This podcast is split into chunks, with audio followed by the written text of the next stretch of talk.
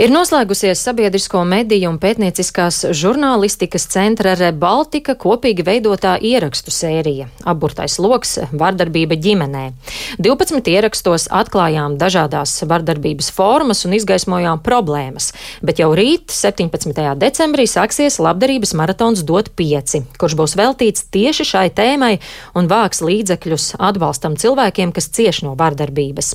Šorīt esmu sazinājusies ar divām kolēģiem, kuras ilgsto ilgstoši strādāja pie šiem ierakstiem un pētīja vardarbību ģimenē. Pie telefona klausules ir eh, Latvijas radio ziņu dienesta žurnāliste Linda Spundiņa. Labrīt, Linda! Labrīt! Un arī Latvijas televīzijas ziņu dienesta žurnāliste Vita Anstrate. Labrīt, Vita! Labrīt! Uh, vaicāšu vispirms tev, Vita, kādēļ uh, vispār svarīgi ir pievērsties un runāt par vardarbību ģimenē, un kas ir tās būtiskākās problēmas, ko konstatējāt? Jā, nu kāpēc svarīgi par to runāt? Tāpēc, ka patiesībā Latvijā šī problēma ir ārkārtīgi, ārkārtīgi izplatīta. Ja mēs pirmkārt paraugāmies statistikā, tad katra trešā sieviete Latvijā ir atzinusi, ka viņa ir cietusi no partneru vardarbības, Un, uh, es atļaušos teikt, ka tādējādi mēs varam secināt, ka noteikti katrā, katrā darba vietā, katrā lielveikalā pie kasēm, kur mums stāv līdz cilvēku blakām, noteikti ir kāds cilvēks, kurš ir šādās attiecībās, jo tā problēma ir ļoti, ļoti izplatīta. Un droši vien ir arī daudz tādu sieviešu, kuras vienkārši nav nemaz atzinušas, ka viņām ir šādas problēmas.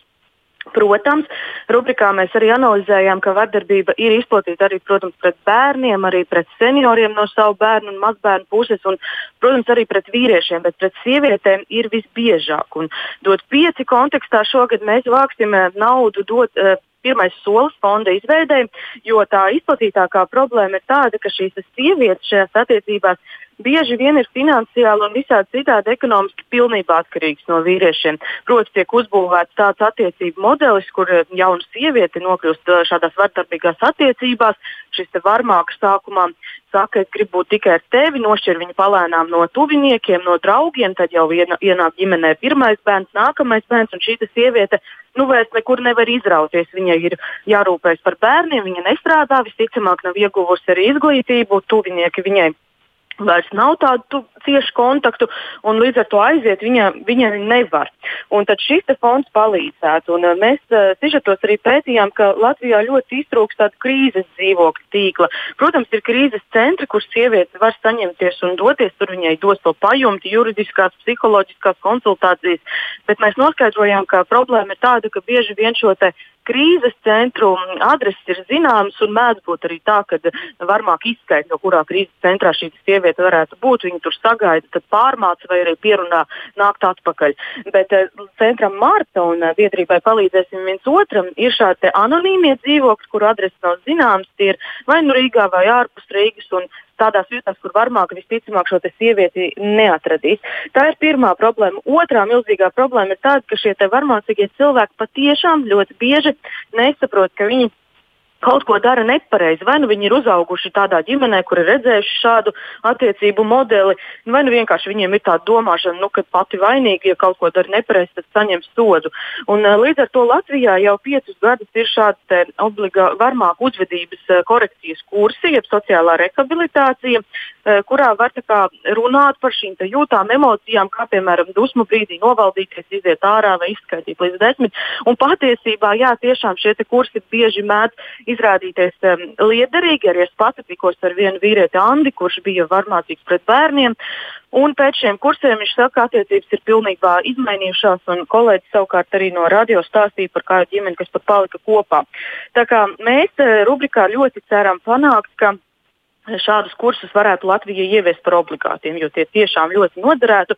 Vienīgā problēma ir tāda, ka tiem būtu vajadzīgi apmēram 130 tūkstoši eiro gadā, kam it kā naudu visu laiku nevar atrast, bet, ja mēs tā salīdzinām to summu, tad tā patiesībā nu nemaz nav milzīga. Mm -hmm. Un uh, pirms dodu vārdu Lindai vēl par pēdējo savu trešo bloku, uh, nu, problēma ir arī tāda, ka jā, mēs beidzot ieviesām pagājušajā ne, šajā vasarā šo vardarbības atpazīšanas anketu, e, bet e, nu, ļoti maz tā tiek pielietota. Sociālajie dienesti arī sūdzas, ka reti viņi laikus saņem no policijas šo anketu un nevar uzreiz sniegt šo palīdzību.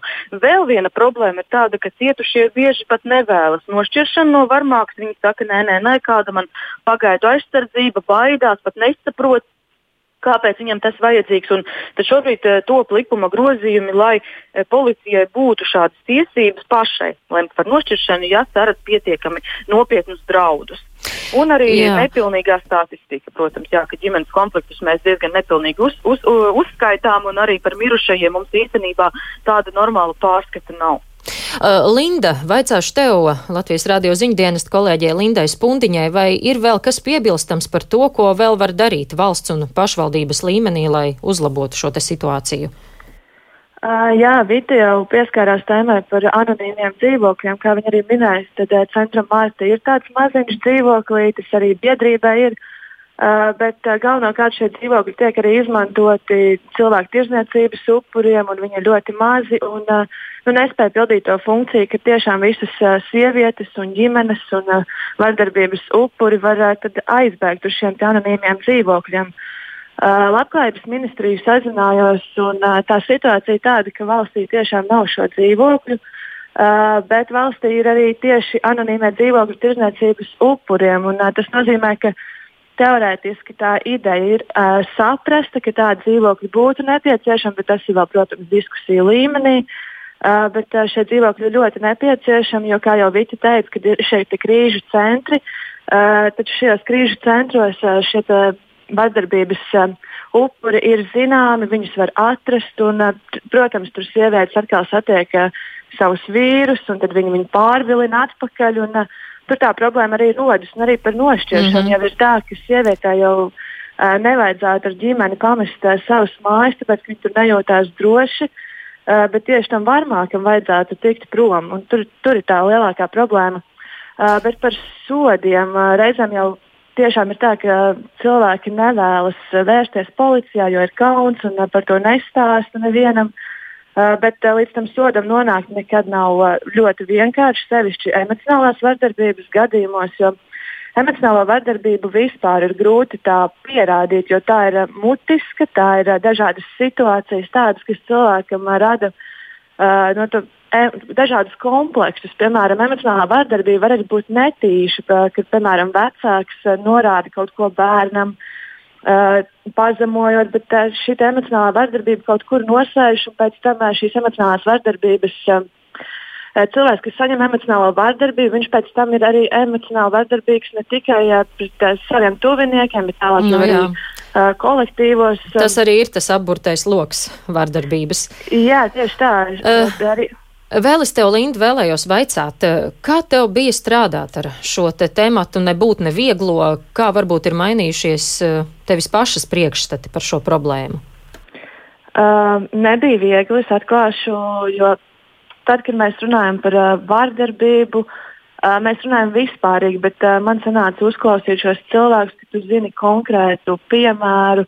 Un es sākotnēji arī biju nedaudz uh, skeptiska tajā, ka man nelikās, ka tā ir tik liela problēma, jo par to mēs neko nezinām. Bet uh, izrādās šie cilvēki, tiešām arī kā Vita teica, katra trešā sieviete ir cietusi no vardarbības. Uh, Un šie vardarbības veidi patiesībā ir dažādi. Ne tikai kā mēs iedomājamies kaut kādu fizisku spēku pielietošanu, bet šī pati ekonomiskā uh, cilvēks cieši no tā, ka nespēj sevi uh, principā pat paļaujas uz citu cilvēku, tā pati emocionālā vardarbība. Un, uh, Nereizēm jau likās, ka cilvēki, kas ir varmākas un vardarbības upuri, nāk no nelabvēlīgām ģimenēm, taču tas ir pilnīgi uh, nu, absurds priekšstats, jo nu, tiešām jebkurš cilvēks ar jebkādu izglītību, jebkādu ģimenes uh, stāvokli uh, var būt vardarbīgs un varbūt arī šīs vardarbības uh, upuris. Paldies teikšu abām kolēģiem, Latvijas radio ziņu dienesta žurnālistei Lindai Spundiņai un Latvijas televīzijas ziņu dienesta žurnālistei Vitai Anstratei, kuras eh, bija pie telefona klausulis. Tātad jau rīt sākas labdarības maratons dot pieci, un tas šogad veltīts vardarbībai ģimenē, un tajā arī vāks eh, līdzekļus atbalstam tiem cilvēkiem, kas cieš no vardarbības.